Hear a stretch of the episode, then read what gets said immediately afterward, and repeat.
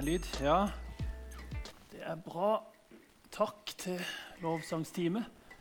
Det var jo en, eh, den sangen er jo på en måte eh, Det blir jo nesten en kortversjon av, av det jeg skal prate om i dag. Som er at evangeliet er Guds kraft. Jeg må bare organisere stensilene mine litt. Det var, så, det var, så, godt å høre det ordet. Det var så lenge, var så lenge siden jeg hadde hørt det ordet. Stensil. Ja, jeg går rett på eh, teksten her, som er fra Romerbrevet, kapittel 1, vers 16 og 17. Så ser dere han bak meg her òg. For jeg skammer meg ikke over evangeliet. Det er en Guds kraft til frelse for hver den som tror, jøde først, og så greker. For i det åpenbares Guds rettferdighet av tro til tro, slik det står skrevet Den rettferdige skal leve ved tro. Det er dagens tekst. Og Det er jo bare to, eh, to vers, men det er jo egentlig, eh, det er jo egentlig hele evangeliet i en uh, kort versjon hvis en tenker på det. Og evangeliet det er virkelig Guds kraft til frelse for alle mennesker. Og selv om det står her jøde først og så greker, så betyr ikke det at det er noe mer til de enn til oss, men det handler om at det kom jo først. Jesus var jøde, det kom først til jødene, og så kom det til de andre. Men allikevel så er det for alle. Og det er virkelig Guds kraft til frelse. Og det er en kraft der som eh, er helt enorm. Og det er det jeg skal snakke om i dag. Men først så skal jeg gjøre en liten sånn en, eh, en slags innramming. For hvorfor trenger vi egentlig kraften i evangeliet? Vi har det jo, vi har det jo greit, har vi ikke det? I hvert fall her i Norge. Har du tenkt på at uh, historien har en begynnelse? Det har du nok, men har du tenkt på at historien har en slutt? Det er ikke sånn at historien er syklisk. Historien har en slutt. Og vet du hva den slutten er? Det er at Jesus kommer igjen. Og da vil jeg gå litt inn på hva som skjer da, når Jesus kommer igjen. Og da leser vi fra Matteus. Skal vi se Matteus 25, vers 31. Men når menneskesønnen kommer i sin herlighet, og alle englene med ham, da skal han sitte på sin trone i herlighet, og alle folkeslag skal samles foran ham.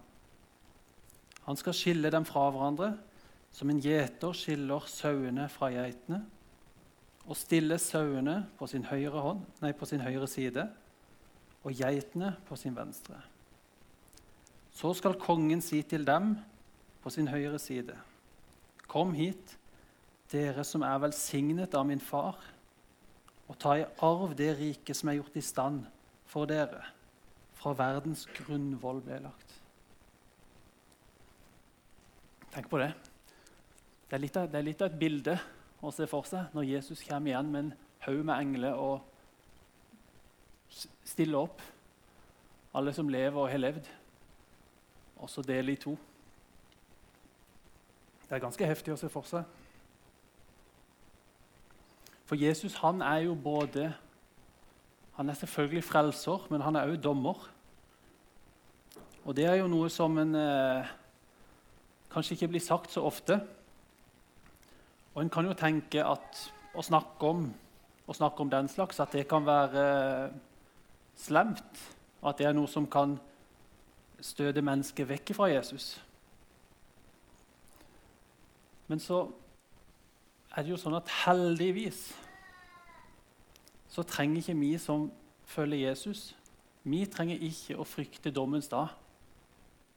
Det gjør vi ikke, altså. Og Jesus han har tatt straffa som vi skulle hatt. Og på dommens dag så vil vi som har Jesus som frelser, vi vil høre han si Kom hit, dere som er velsignet av min far, og ta i arv det riket som er gjort i stand for dere, fra verdens grunnvoll ble lagt.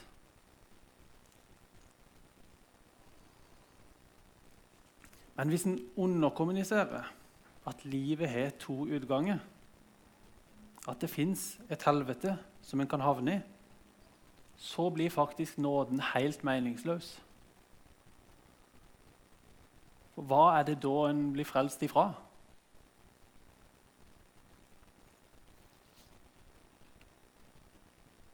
Og Det er derfor evangeliet er sprengstoff. Det er derfor det er sånn en stor kraft i evangeliet. Og evangeliet det er på mange måter det, kan det være litt provoserende. Og det er det, alltid, det er det i dag, og det var det når det kom. Det har det, alltid vært. Og det, og det er grunnen for at Paulus sier Det er grunnen for at han sier at han skammer seg ikke evangeliet. Han sier jo det fordi at mange skammer seg over evangeliet. Det er jo derfor han sier det.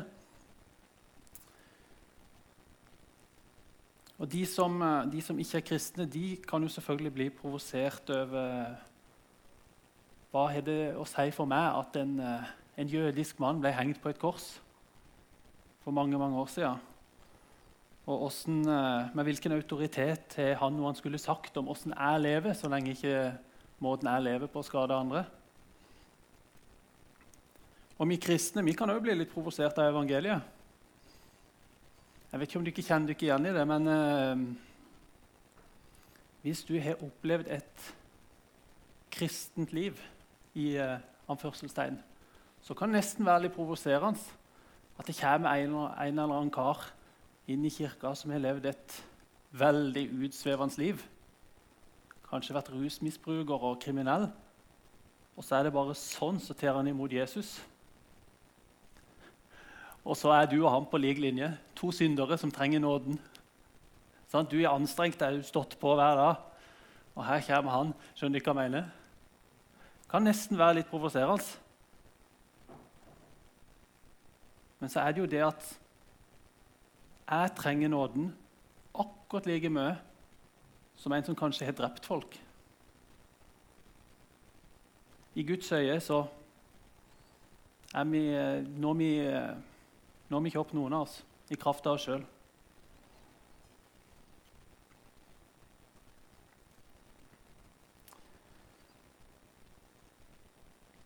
Vi trenger alle nådens gave. Men det, det, å leve rett, det er selvfølgelig viktig. Vi er jo kalt til å ære Gud med hele vårt liv. Men det skal være en konsekvens av trua, ikke ei erstatning for trua. Og det er viktig, og eh, jeg syns det er et, et, vanskelig prinsipp innen uh, kristendommen. For det at hvis vi gjør gode gjerninger for å framheve oss sjøl, eller at vi underbevisst så prøver vi egentlig å betale Gud tilbake for det som han har gjort for oss med våre gjerninger, uh, da er vi egentlig litt ute å kjøre. For det at gjerninger det skal være et resultat av trua og en eh, respons på det som Jesus har gjort for oss. Ikke ei erstatning for det som Jesus har gjort for oss. Og Det er jo egentlig det normale i verdensreligioner, at man må gjøre seg fortjent til å få et godt liv etter døden. Det er det normale i verden, religiøst sett.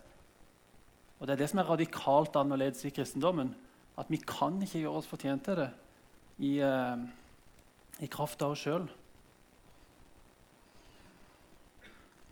Og så er det viktig å, uh, Når en snakker om dette, så er det viktig å ikke tolke det som at ja, men da har det ikke betydning om uh, vi synder. For det har det utvilsomt.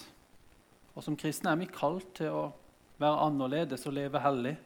Og vi er kalt til å ta opp vårt kors og fornekte oss sjøl, som det stender men det er altså, likevel så er det kun trua som frelse. Og det er så viktig. Ingenting vi gjør, gjør en forskjell fra eller til. For frelsen. Det er så viktig.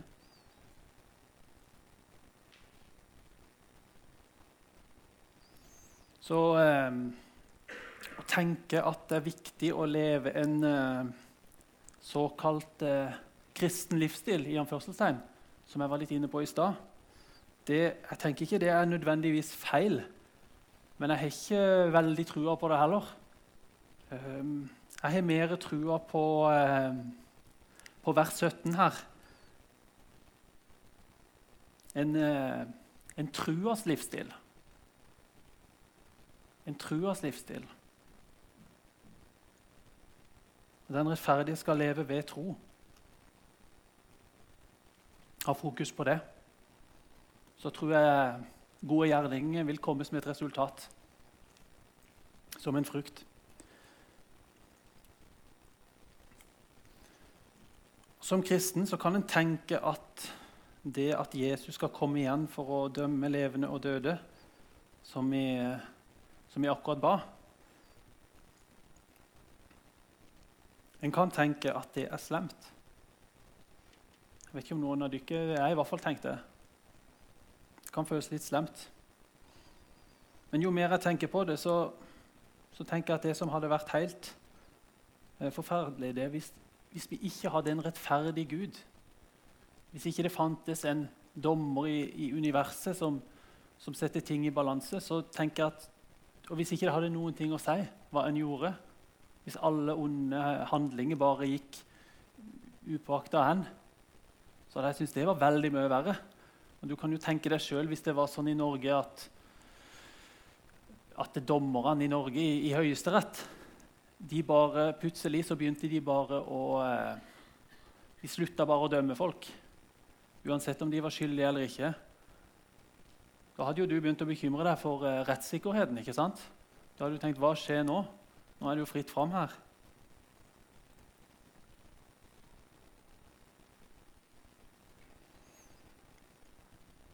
Da er det ingen uh, moral i universet. Og det blir vanskelig å snakke om at mennesket har en uendelig høy verdi. Og hva skal du da si til noen som har opplevd eh, stor urett gjort mot sin familie. For eksempel, La oss si du snakker med noen som har opplevd eh, forferdelige ting blir gjort mot barna deres foran øynene deres. Sånn som mange f.eks. jøder har opplevd i Israel 7. oktober. Helt horrible ting som blir gjort mot små babyer. Hva skal du si til f.eks. en far som står igjen? Skal du si eh, 'Husk på at det vold løser ingenting'? Skal du si det? Eller skal du si at eh, sånn som en sier til ungene, at det hjelper ingenting å ta igjen? Kan du ikke si noe av det? Men du kan si Du kan si 'Jeg ser at du har det vondt', og jeg skjønner at du har lyst til å gå noe med det.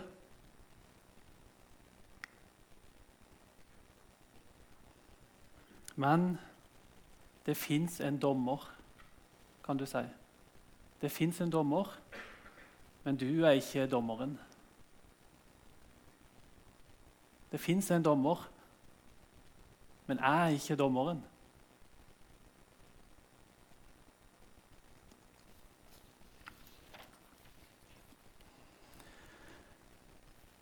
Dette med at kristne kirke slutter å snakke om uh, synd og fortapelse, det er ikke noe nytt. Og når jeg forberedte meg til denne talen, meg, så leste jeg litt om en som heter Origens. Eller noe sånt. Origenes. Origenes. Og han hadde sitt virke på 200-tallet. Og han, han, da fant han på på 200-tallet at, uh, at alle mennesker blir frelst. Han var sentral i, uh, i oldkirka der. Ja, det ble jo selvfølgelig avvist, men det er jo en teologi som stadig vekk gjør eh, comeback. Og som definitivt er til stede i mange kristne menigheter. Men dette er en, det er en farlig teologi, fordi han er usann, og han villeder mennesket. Jeg tror kanskje det en, det vi ser i dag av den typen teologi, det tror jeg kan uh, delvis være en reaksjon på at mange uh, mange som er, sier de er fra 50 og oppover, mange av den generasjonen har fått en for streng oppdragelse. Og kanskje de har blitt pålagt mange menneskebud. At de har hatt foreldre som har ment det veldig godt og kommet med mange, gitt dem veldig mange regler, ting som ikke det er lov til. Og så har de tenkt at det vil hjelpe dem med å, å leve kristent. Men så slår det egentlig litt feil. Um, og Det ligner egentlig på det som Jesus kritiserte fariseerne for. Så vi må prøve å ikke gå i den fella der, selvfølgelig. Men vi må heller ikke slutte å snakke om synd og fortapelse. For da gjør vi det vi tror på, egentlig helt meningsløst. Og da tror jeg det mister kraften. Vi må ikke gjøre evangeliet like rundt og relativt som eh, samfunnet vi lever i. Og jeg syns ikke vi skal prøve å skremme andre med å snakke om dommedag. Det syns jeg ikke. Men jeg syns det er en bra ting hvis noen kjenner på en urolighet. Hva skjer når jeg dør? Og så er det noe som gjør at de undersøker kristendommen og leser i Bibelen. Det er en naturlig ting å, å begynne å tenke på for mange. Og så tenker jeg at hvis du har en, Sier at jeg har en venn som Nå skal jeg prøve meg på en liten metafor. Sier jeg har en venn som kjører full fart på en vei rett fram. Og så vet jeg at om ikke lenge så gjenger han rett utfor et stup. Og det stupet det er sånn at du ser ikke det før du er i fritt fall. Og Hvis han vennen da spør meg Simon, hva tenker du om den veien jeg kjører på her, så har jo jeg et ansvar for å si ifra. Selv om kanskje han blir litt provosert. Jeg kan jo ikke bare være snill og si ja, bare peis på, du. Og Det er litt det samme når vi snakker om evangeliet.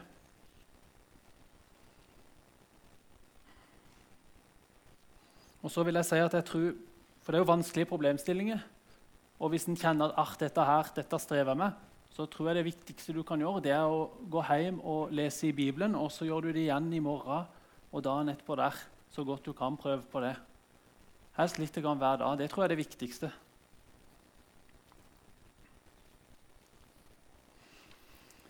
Og Det ligger en enorm kraft i evangeliet. Det er Guds kraft til frelse i skriftlig form. Og når vi får tilgivelse fra et medmenneske, så er det én ting. Det føles veldig bra. Men når Gud tilgir oss setter oss fri, så er det noe helt annet. Kun han kan sette oss fri fra syndens makt, fra skammen som forteller oss at vi ikke er noe. Det er det kun Gud som er autoritet til å gjøre. Og for et privilegium det er å kunne leve med et perspektiv at vi er skapt og frelst. Vi kan leve med et evighetsperspektiv, sånn som Jenny snakka så fint om forrige søndag. Tenk for et perspektiv vi kristne kan ha. Det er fantastisk. Og Vi leser at Guds rettferdighet åpenbares av tru. Og Som kristen er vi rettferdige. Det som Jesus har gjort for oss på korset, det gjør at når Gud ser på oss, så ser han kun det som Jesus har gjort for oss. Han ser ikke vår synd, da. Så vi er frikjøpt i trua på Jesus. Og det er det eneste som frelser. Og så tenker jeg at det er viktig å ikke undervurdere evangeliets kraft. Og Noen ganger kan vi tenke at ja, men evangeliet blir for enkelt. Gud sender sin sønn død på et kors for våre synder. Hver den som tror på det, vil få evig liv. Kan bli litt enkelt, kan en tenke. Men det trenger vi ikke tenke, selv om det er kjempefint å fortelle om våre egne opplevelser med Jesus. og, og sånn, Så er det ikke sånn at evangeliet trenger noe krydder fra min side for å være kraftfullt. Det er jo det vi leser om her, at det er Guds kraft til frelse. Det er Guds kraft i skriftlig form. Det trenger noe, det trenger ikke noe krydder fra meg for å være relevant. Og kraften kommer ikke fra meg og mitt liv. Den kommer fra Gud og det som Jesus har gjort for oss på korset. Og Hvis det er noen her i dag som ikke har tatt imot Jesus, så vil jeg bare oppfordre sterkt til å gjøre det. Det står i apostlenes gjerninger at hver den som påkaller Herrens navn, skal bli frelst. Det står i Romerbrevet, kapittel 10, vers 9-10, at hvis du bekjenner med din munn og tror i ditt hjerte at Gud reiste ham opp fra de døde, da skal du bli frelst. Så enkelt er det. Så Det kan du gjøre etterpå, f.eks. når jeg ber. Da kan, du, da kan du påkalle, og du kan tro i ditt hjerte, og så kan du fortelle det til noen etterpå til meg eller noen andre, og da har du jammen meg bekjent òg.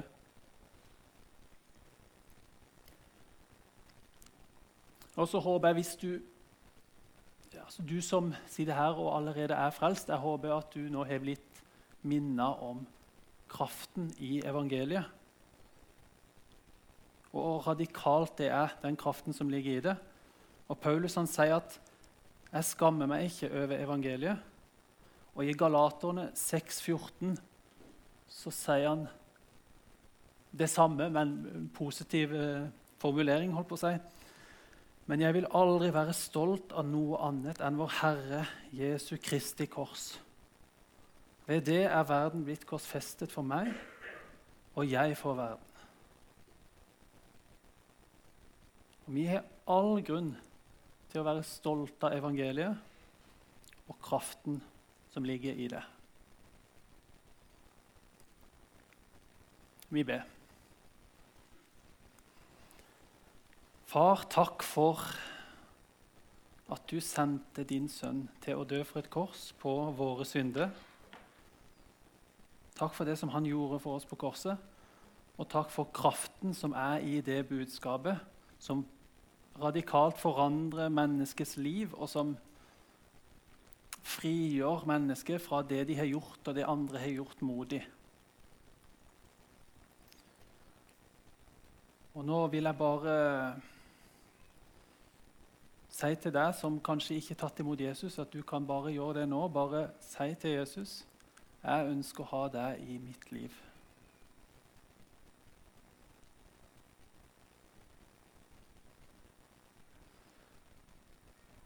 Og så ber jeg for meg som allerede er frelst. La oss ikke, Hjelp oss å ikke skamme oss over, over, evangeliet, selv om vi kanskje kan eh, bli latterliggjort i samfunnet vi lever i. Hjelp oss å være stolte over evangeliet, frelsen og nåden vi har fått, og det som du har gjort for oss. Amen.